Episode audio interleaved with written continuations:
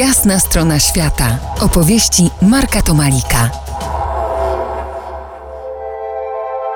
Po jasnej stronie świata Marek Tomalik i Krzysztof Rąpała rozmawiamy o Azji Południowo-Wschodniej. Krzysztof podróżuje tam sukcesywnie od 20 lat i bajecznie się jej przygląda.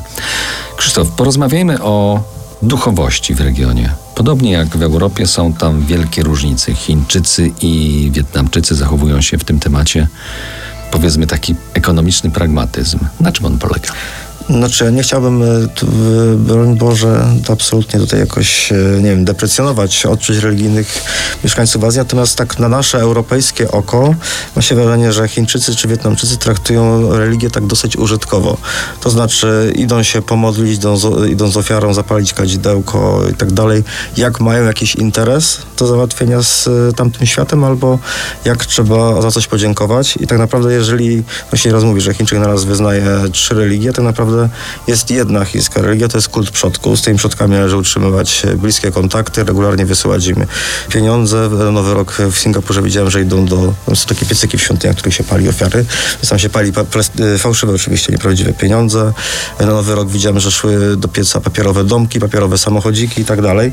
A z drugiej strony taką rzecz, którą zauważam w ostatnich latach w Singapurze, zaczynają pojawiać się rozmaite kościoły protestanckie takiej proweniencji nie, nie wiem, czy to jest e, prawidłowe polskie określenie, takie ewangelikalne, czyli takie charyzmatyczne kościoły typu amerykańskiego czy koreańskiego. Pamiętacie pewnie słynną sektę Muna, e, I które są Chińczycy chrzczą się tam na potęgę, tak? No może na potęgę to może jest za wielkie słowo, ale generalnie jest to, jest to zauważalny trend, więc nie wiem, czy to jest kwestia tego, że nie podobnie jak w Korei, że uważa się, że chrześcijaństwo to jest religia ludzi z, z wielkich miast, czy nie wiem, ta religia daje im jakieś tam poczucie bycia u siebie, bycia cząstką jakiejś, jakiejś innej grupy niż tylko jednym z wielu Chińczyków w Singapurze. I dla kontrastu mamy y, Tajów i Birmańczyków, którzy po większości są wyznawcami y, buddyzmu Theravada. Tak. I to już jest większa duchowość, tak z, e, to oczywiście jest, z naszej perspektywy.